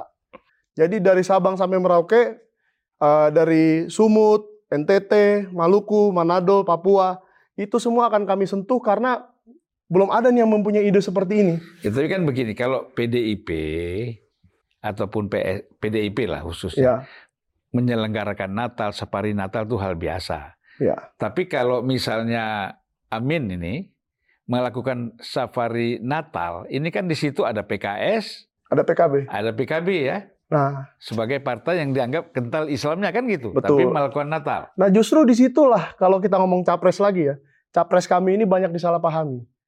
Kami eh, Pak Anies itu menerbitkan berapa banyak izin gereja, terutama gereja kesukuan di Jakarta, yang selama ini ke mana tuh? Nggak pernah diurus, tidak pernah diperdulikan. Dan kedua memberikan bantuan operasional tempat ibadah kepada ribuan masjid, ribuan gereja, puluhan pura eh, dan vihara. Jadi bukannya hanya ke Kristen aja, wah kamu gara-gara Kristen kamu banyak dikasih, enggak juga. Semua agama. Tapi yang banyak di- dikritik kan soal kemacetan dan banjir Jakarta kan. Oh ya kalau itu, kalau itu saya punya jawabannya. kalau itu semua semua gubernur juga. Dulu kan Pak Jokowi itu. janji, saya jadi presiden nanti biar lebih mudah urusannya Jakarta, tapi nggak Oh, juga. gitu ya. Baik, Bung. Takut. Iya, saya kira gitu. Pamit, Nah, Bang ya. Makasih Oke, banyak ya. Terima kasih banyak ya. Coba ya. Sampai jumpa lagi ya. ya. Ya, Makasih banyak, Bang. Makasih banyak. Bang. Iya, iya. Artinya kan kita ingin memperkenalkan kepada publik bahwa caleg ini bukan sekedar ada nama, Yes. bukan sekedar dicantumkan, Bukan tapi artis, kan artis ya, saja. iya, tadi punya visi, ya kan, punya opini, punya pendapat, dan punya concern Punya isi lah bang. dengan persoalan-persoalan yang dihadapi Jangan asam sulfat ya, kan. oleh masyarakat. Jangan asam sulfat. Itu masalahnya anak muda nggak sekali aja bikin salah selalu diinget-inget. Bukan. Buat Jadi gini loh. Cukup fatal soalnya kesalahannya. fatal ya. itu bicara asam sulfat Udah untuk maaf untuk juga.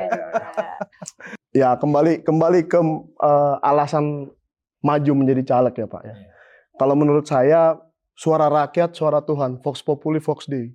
Jadi tidak ada alasan selain dua alasan ini yang harusnya membuat kita maju berkontestasi politik. Kalau bukan rakyat, Tuhan. Nah yang mana nih caleg-caleg ini sekarang yang ribuan orang ini yang maju karena disuruh oleh rakyat. Kalau saya pribadi diminta oleh marga saya Sinaga se Sumatera Utara. Jadi memang kalau dibilang ada ongkos politik ada, tapi tidak setinggi yang dikatakan tadi itu. DPR RI ya maksudnya? DPR RI saya. Nomor Segit- berapa Bekel? Saya dikasih nomor 5, tapi apalah artinya nomor urut Iya betul. kalau di kita ini. Karena itu perjuangannya bukan di nomor. Betul. ya kan? Tetapi di bawah di grassroots Hmm. bagaimana kita juga yang sudah eh, diberi mandat di apa namanya dipercayakan oleh saudara-saudara kita di Sumatera Utara kita jangan sampai nanti kalau sudah memegang mandat itu jangan sampai mengkhianati itu yang paling penting dan kalau memang ada yang sudah mengkhianati ya tidak usah dipilih lagi kira-kira seperti itu pak Iya iya. Kita mungkin masuk ke closing statement ya. Tantangan, tantangan, tantangan. Closing statement, Ya. tantangan dan lain-lain. Silakan saya kasih waktu mungkin 3-4 menit lah per orang ini. Oke bang. Per narasumber kita ini ya. Ya. Mulai dari Roni barangkali ya. Oke bang. Terima Karena kasih. dari tadi mau kepengen ngomong apa.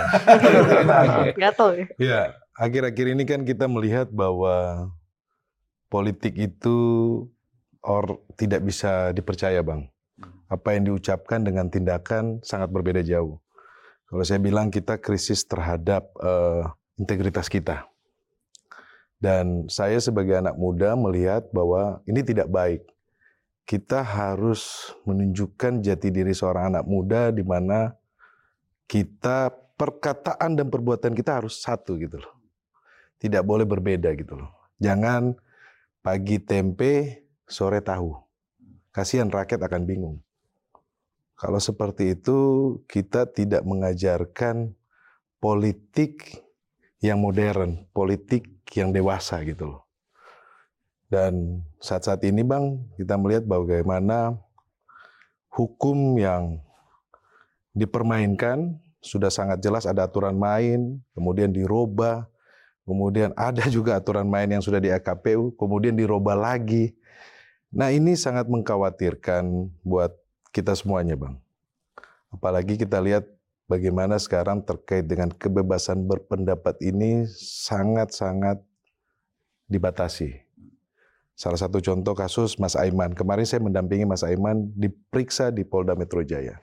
Sudah sangat jelas dia menyampaikan apa yang terjadi dan itu dikutip dari media salah satu media Oh, soal nasional. yang ada polisi. Polisi tidak netral. Hmm. Dan ini kan bukan hanya Aiman saja yang bicara, semua budayawan sudah bicara, akademisi, kemudian sudah ada apa eh, teman-teman dari BEM UI, masyarakat luas sudah berbicara seperti itu. Kalau terakhir Tempo.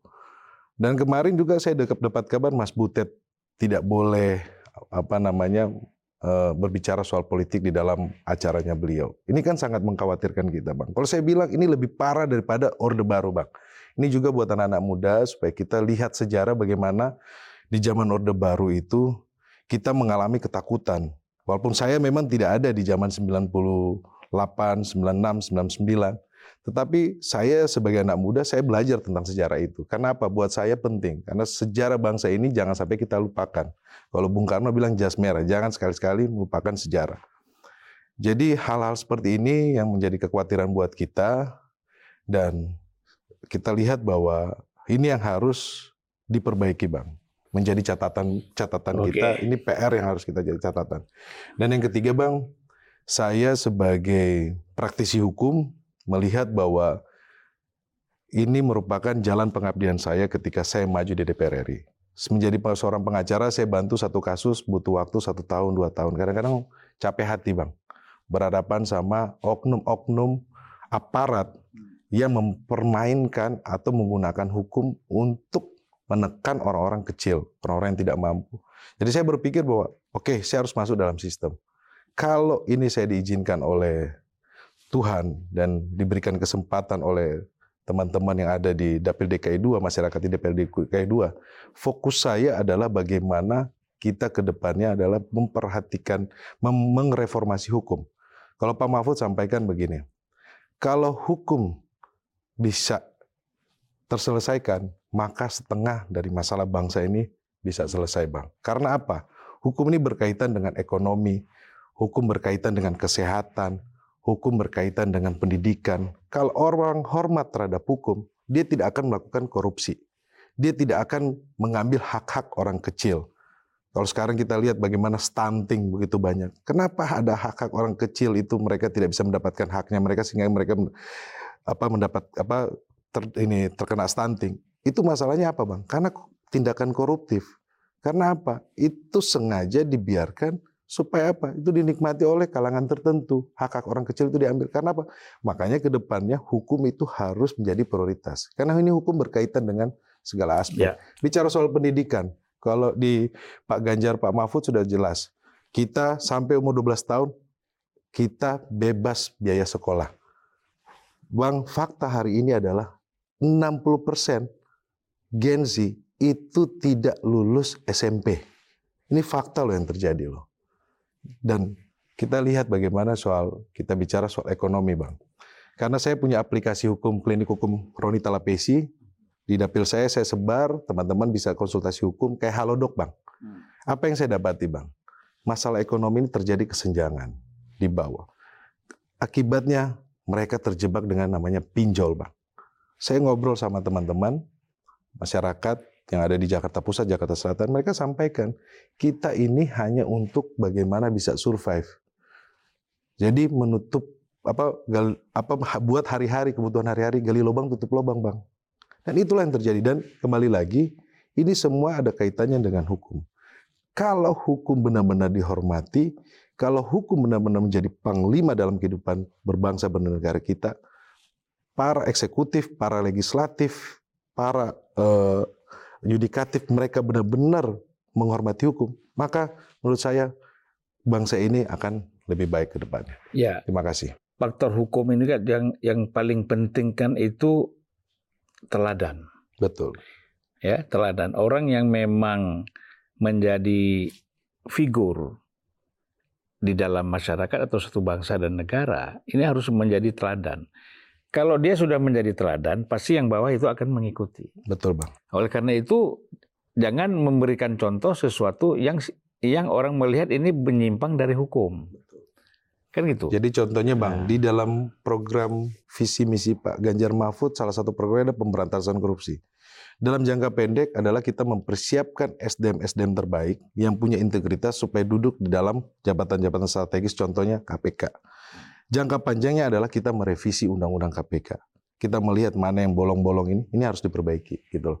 Juga soal undang-undang ITE, sekarang kita lihat marak sekali orang dapat dikriminalisasi menggunakan undang-undang ITE. Ini merupakan juga salah satu program prioritas kita. Kalau bicara soal HAM, program prioritas kita adalah bagaimana juga pun undang-undang KKR, undang-undang rekonsiliasi ini, ini bisa diketok. Supaya apa? Pelanggaran HAM masa lalu ini harus kita selesaikan. Kita tidak boleh meninggalkan sejarah masa lalu yang kelam buat anak muda ke depannya. Itulah uh, saya sebagai pribadi yakin bahwa kepemimpinan ke depannya itu adanya di Pak Ganjar dan Pak Mahfud. Itu ya. Sekalian kampanye nggak apa-apa lah. Ini memang forumnya itu boleh juga untuk kampanye. Saya ke JB dulu nih. Ya. Nah, ya, gimana Pak? Uh, mungkin kalau misalnya tadi udah bicara banyak uh, soal pendidikan, karena aku rasa uh, memang untuk meningkatkan kualitas hidup dan juga uh, concern tentang kesejahteraan masyarakat itu masuknya harus lewat pendidikan gitu. Jadi aku juga banyak uh, mendampingi juga mungkin sama uh, kayak Bang Roni juga mendampingi orang-orang beberapa misalnya kita udah berhasil mendapatkan beasiswa untuk anak-anak uh, tapi sayangnya selalu stucknya itu di pola pikir uh, orang tua orang tuanya yang mereka ingin anaknya itu melanjutkan kerja-kerja orang tua padahal anak-anaknya memiliki impian-impian uh, lain gitu. Makanya dari situ uh, aku masuk di program uh, kalau misalnya percaya harusnya itu dari awal uh, memang anak-anak itu sudah mendapat uh, sekolah yang cukup bagus, sekolah unggulan. Uh, misalnya di Jakarta Utara sendiri itu TK atau PAUD baru ada 78. Jadi mereka uh, kalau misalnya mau masuk ke TK atau PAUD itu harus bayar. Nah, aku sendiri melihat kalau misalnya di anggaran DKI Jakarta itu TK atau PAUD juga bisa digratiskan. Jadi nggak cuma SMP, uh, juga bukan cuma SD, SMP, SMA, tapi TK atau PAUD juga. Dan juga mungkin kalau misalnya teman-teman belum tahu di program Pak Prabowo dan Mas Gibran itu ada juga program sekolah unggulan. Dari tadi kan kita ngomonginnya mungkin karena aku DPRD DKI Jakarta agak Jakarta sentris ya. Tapi di kabupaten-kabupaten lain niatnya Pak Prabowo itu ingin membuat uh, sekolah yang sesuai dengan sektor produksi. Jadi selama ini kan permasalahan uh, Indonesia itu banyak banget pengangguran dan Indonesia itu adalah negara pertama yang lulusannya negara urutan pertama yang lulusannya SMP. Masih banyak banget pengangguran dari SMA SMK juga sekarang kan PR-nya gimana kita nemuin link and match-nya itu. Nah, kira Pak Prabowo uh, dan Mas Gibran membuat pro program sekolah unggulan ini. Biar kalau misalnya kabupaten-kabupaten ada sekolah misalnya uh, fo apa fokus sektornya itu misalnya perikanan gitu. Ya mereka uh, dibikin sekolah unggulan fokusnya ke situ gitu. Jadi aku rasa uh, ya itu cukup membantu juga untuk anak muda yang selama ini ngerasain kesusahannya lapangan kerja gitu. Dan mungkin uh, satu lagi kalau misalnya soal uh, cara berpolitik ya. Kalau di PSI dari kami, Mas Kaisang juga udah menitipkan pesan. Politik pemilu 2024 harus dikawal dengan santun dan santuy. Jadi kalau misalnya ada fitnah-fitnah, udah biarin aja, kita diemin aja karena publik sebenarnya juga udah bisa mencerna sebenarnya narasi-narasi itu dibuat memang untuk mementingkan rakyat-rakyat kecil, mementingkan wong cilik atau sebenarnya narasi tersebut dilakukan karena takut kalah aja.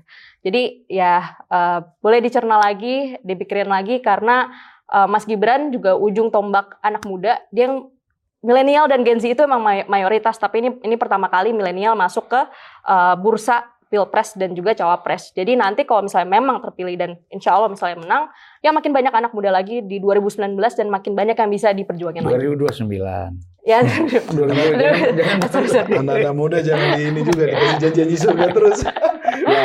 ya intinya lebih jangan, banyak jangan, lagi uh, orang-orang dan harus satu izin baik. boleh ya. promosi buat apa DPRD. Iya. Aku juga ini teman-teman jadi kemarin aku juga senang banget dari Twitter aku ngelakuin fundraising jadi aku uh, sebagai caleg DPRD DKI aku ingin uh, menjadi uh, calon yang transparan. Kemarin juga banyak dapat respon baik dari teman-teman. Aku harap uh, teman-teman bisa ngecek programku juga uh, DPRD DKI Dapil 2 Zebi Magnolia Fawas Cilincing Kojak Kelapa Gading Administrasi Kabupaten Kepulauan Seribu. Terima kasih. Iya. Jadi menarik ya kalau soal program-program capres ini kita tunggu debat nanti tanggal 17 ya? 12, 12 Bang. Eh, tanggal 12 Desember. Kita tunggu. Rencana juga kita akan menyiarkan langsung juga mengulas-mengulas juga tentang uh, isi debat itu Siapa? ya. Ya, mudah-mudahan bisa hadir. Kita sama-sama di sini ngobrol masing-masing menilai aja ya. Gitu. Jadi memang saya kira menarik tadi ya apa yang disampaikan memang problem kita itu sebenarnya tadi hukum keadilan dan pendidikan, kesehatan, kesehatan termasuk ekonomi. Dan semuanya mulainya harus dari hukum, ya, Bang. Hukum kesenjangannya kan luar biasa ya. Kita memang ya ada ada peningkatan-peningkatan, tapi kesenjangan masih sangat banyak. Mungkin saya ke sana apa tadi kan pembukaannya di sini. Oh, nah, iya. sekarang ya. Uh, kalau closing statement dari saya uh, sebagai seorang jubir amin dulu ya sebagai seorang jubir amin, saya senang sekali hari ini banyak uh, yang meminta perubahan dari berbagai sisi, dari berbagai aspek, dari berbagai bidang. Dan semua bidang itu sangat baik untuk diubah ke depannya sebagai perubahan yang lebih baik lagi. Nah, yang kedua, uh, saya juga sangat bersyukur bahwa uh, saya bisa masuk di uh, tempat yang tepat PKB itu menurut saya tempat yang tepat untuk saya, di mana kita bisa berproses, anak-anak muda ini diajari untuk berproses terlebih dahulu, dan mencoba bagaimana sih sebenarnya menjadi seorang caleg itu. Dan kita juga eh, apa namanya mendapat banyak dukungan dari bawah. Seperti Bang Zulfan tadi kan kaget juga kok orang Kristen di PKB. Tetapi sebenarnya itulah hal-hal yang harus kita luruskan bahwa eh, tidak ada tuh yang dinamakan sekat-sekat harus dari golongan tertentu, harus dari ini tertentu, terutama di PKB dan perubahan yang kami usung adalah perubahan yang untuk Indonesia lebih baik. Dan saya juga uh, Cocok tagline kita Indonesia lebih baik. ya. Tapi pakai perubahan, Bang. Nggak ada perubahan. pakai contoh perubahan lebih baik. untuk Indonesia yang lebih baik. kita Indonesia Jadi- lebih baik. Dulu waktu masih Indonesia ada laju. Demokrat, Ya, kan perubahan dan perbaikan. ya. Sekarang Demokrat keluar perbaikannya nggak ada ya. Iya, perubahannya aja. Perubahan untuk kebangkitan bangsa. Karena memang berangkat dari nasionalis dan demokratis untuk mewujudkan keadilan dan kesejahteraan dan ujungnya kebangkitan bangsa Indonesia itu sendiri. Jadi memang koalisi perubahan ini sudah top lah. Memang sudah lengkap di dalamnya segala eh, apa namanya segala values dari Pancasila itu sudah terwakili di dalam. Dan saya bersyukur saya bisa menjadi bagian dari itu dan menjadi bagian dari perubahan Indonesia lima tahun ke depan bersama Pak Anies. Baik, terima kasih Bung Michael. Nah, ini terakhir pada Siap.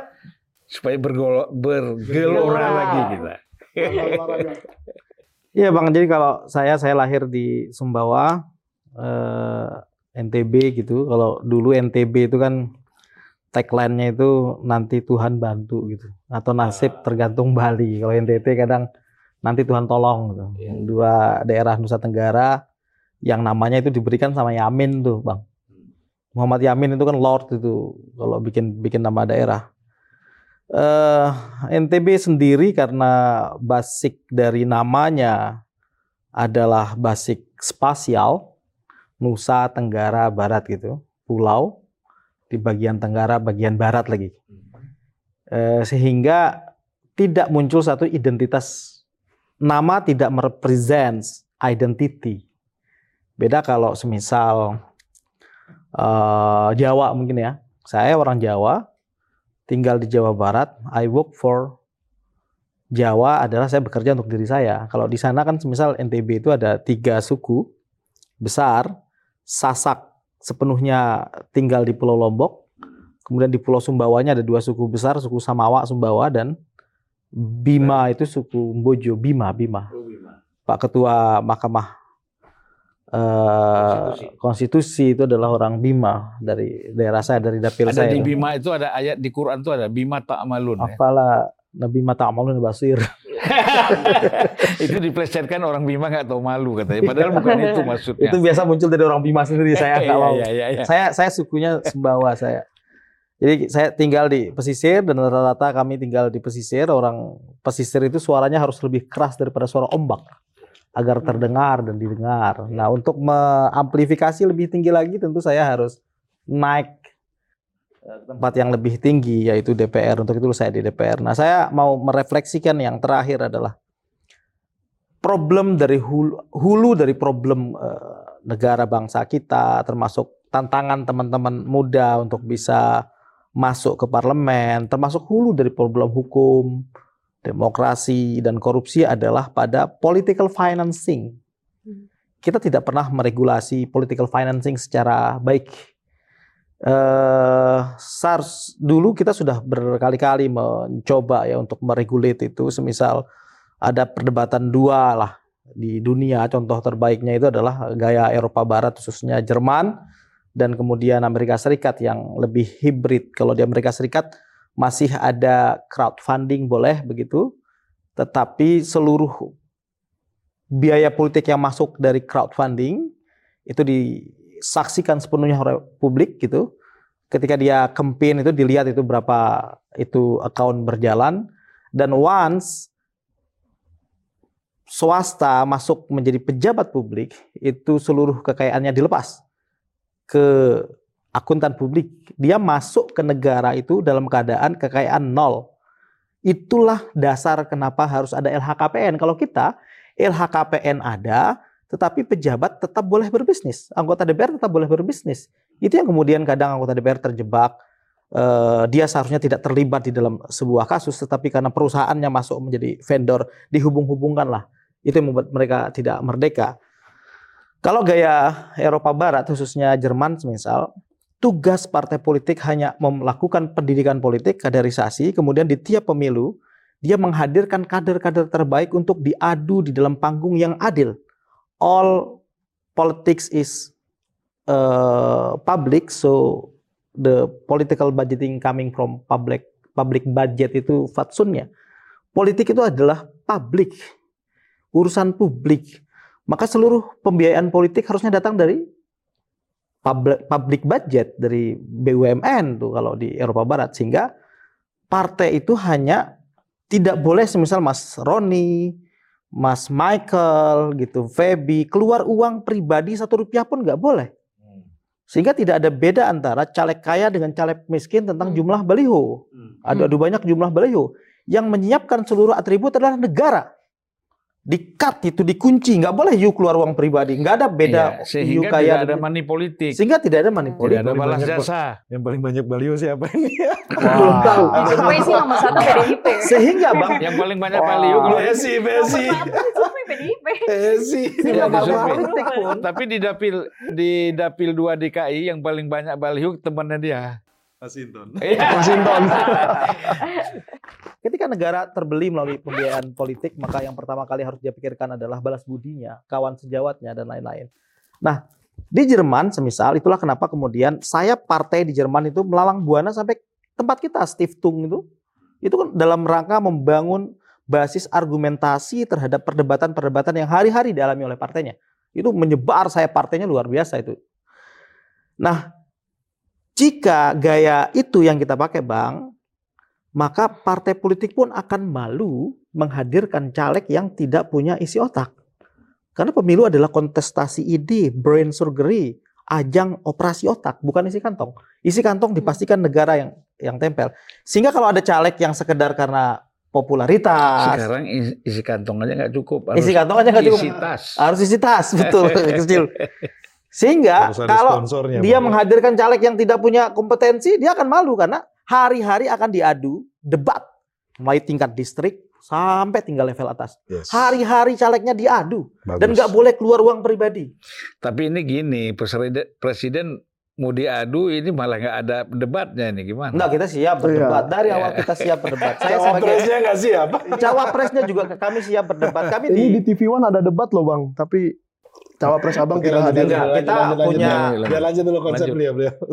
Jadi gini, teman-teman harus belajar dari kami. Kami punya kalkulasi tentang bagaimana cara how to win this election begitu.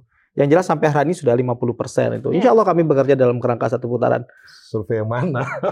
Ada banyak 50%. survei. Survei mana? Memang kalau orang meragukan Ini- survei ini- begini Bang, Ini saya kayak kayak orang Filipin, Jadi Bang. kayak jadi cara kita Kayak orang Filipin. Jadi bukan kita- bukan gagasan tapi gimmick-gimmick. cara kita melihat survei itu begini cara kita melihat Mimpi survei. 270 juta ini Jika- butuh gagasan. survei itu menempatkan calon kita kalah, maka itu adalah survei rekayasa. Tetapi jika survei itu banyak lembaga surveinya yang menempatkan calon kita kalah, itu pasti akan dikatakan itu seluruh lembaga surveinya kong kali kong. Baru sur- lembaga survei itu ilmiah jika bilang kok kali kok. Jika- kok calon kita yang menang itu udah biasa lah tentang survei. Tetapi ya itulah bang tentang kembali ke caleg ini karena kita penting menghadirkan anak-anak muda. Karena anggota DPR itu bukanlah orang yang hari ini ya fakta realitasnya. Anggota DPR bukanlah orang yang paling pintar di antara rakyat memang. Tapi dia adalah yang paling dicintai, yang untuk itulah mereka dipilih. Tidak semua anggota DPR harus pintar. Saya dulu di dapurnya DPR, Bang. Kalau anggota DPR kayak Abang rapat kita sudah siapkan bahan materi sehingga seharusnya anggota DPR tidak terlalu banyak berpikir tinggal talk begitu. Nah, ini juga kepentingan kita ke depan memang harus memperkuat dapur otak dari parlemen yang namanya supporting systemnya itu. Detail Kalau ya. di Amerika itu, Bang, kenapa mereka jago-jago? Karena BPK-nya adalah alat kelengkapannya dewan. Hmm. Dia yang turun langsung. BPK itu bagian dari DPR-nya, Iya. dari Kongres. Kalau kita kan terpisah nih di dalam Terpisah. konstitusi. Kalau di Amerika, lembaga audit ya, itu adalah alat kelengkapannya dari dewan sehingga hari-hari itu ditongkrongi, eh lo eksekutif gimana gimana. Data saya lebih kuat. Di Amerika ada yang namanya Congressional Research Center yang hari-hari mensuplai data ke anggota dewan yang digaji jauh lebih tinggi daripada mereka sekedar kerja di kampus. Karena DPR itu bisnisnya adalah brain business, bisnis otak kan. Maka orang-orang paling pintar itu harusnya kerja di DPR dengan gaji yang jauh lebih tinggi. Kemudian kita tahu semisal parlemen Amerika juga perpustakaan terbaik di dunia. Nah, ini yang memang ke depan hadir-hadirnya kami yang muda ini moga bisa melakukan Ya, banyak hal terkait insya Allah. penguatan parlemen karena bagaimanapun kabul, kabul. daulat kuasa rakyat Amin. adalah Amin. Jana. Amin. itu ya Bang. Terima Oke. kasih Bang Ya, sudah terima kasih. Kita Terima kasih. ini hampir dua jam ya, luar biasa. Tidak terasa. Dan saya kira kita banyak sekali membahas bukan sekedar nuansa ya, tetapi substansi Gagasan. gagasan, substansi dan apa yang dirasakan oleh masyarakat itu yang disampaikan tadi. Dan saya terus terang eh, melihat bahwa kita yang ada di sini ini sangat layak untuk dipilih rakyat untuk masuk di dalam parlemen. Amin, semoga diganjari Pak Prabowo. Amin, amin, amin. Amin, semoga diganjari Pak Prabowo. Ya. Sekali lagi saya ucapkan Amin, terima amin, kasih. amin. Selamat Sampai berjuang. jumpa di Terima Senayan ya kasih. Bang ya. Ya. Sampai Oh, jumpa di siap. Senayan. Terima kasih. Sampai jumpa di kebun siri. Iya. Ya. Diskusi, Diskusi abang-abang. harus Nanti tajam saya mampir aja. Ya. Unpacking siri. tetap mendukung kawan-kawan Siap, siap, untuk siap. maju. Terima kasih. Ya, untuk terpilih. Jangan segan-segan kalau ada apa-apa telepon kita apa yang perlu kita bisa bantu kita lakukan. Dan Siap. Oke, thank you, thank you. Terima kasih banyak. Terima kasih banyak. Thank you, thank you. Gaby, makasih. Terima kasih ya. Anak muda terus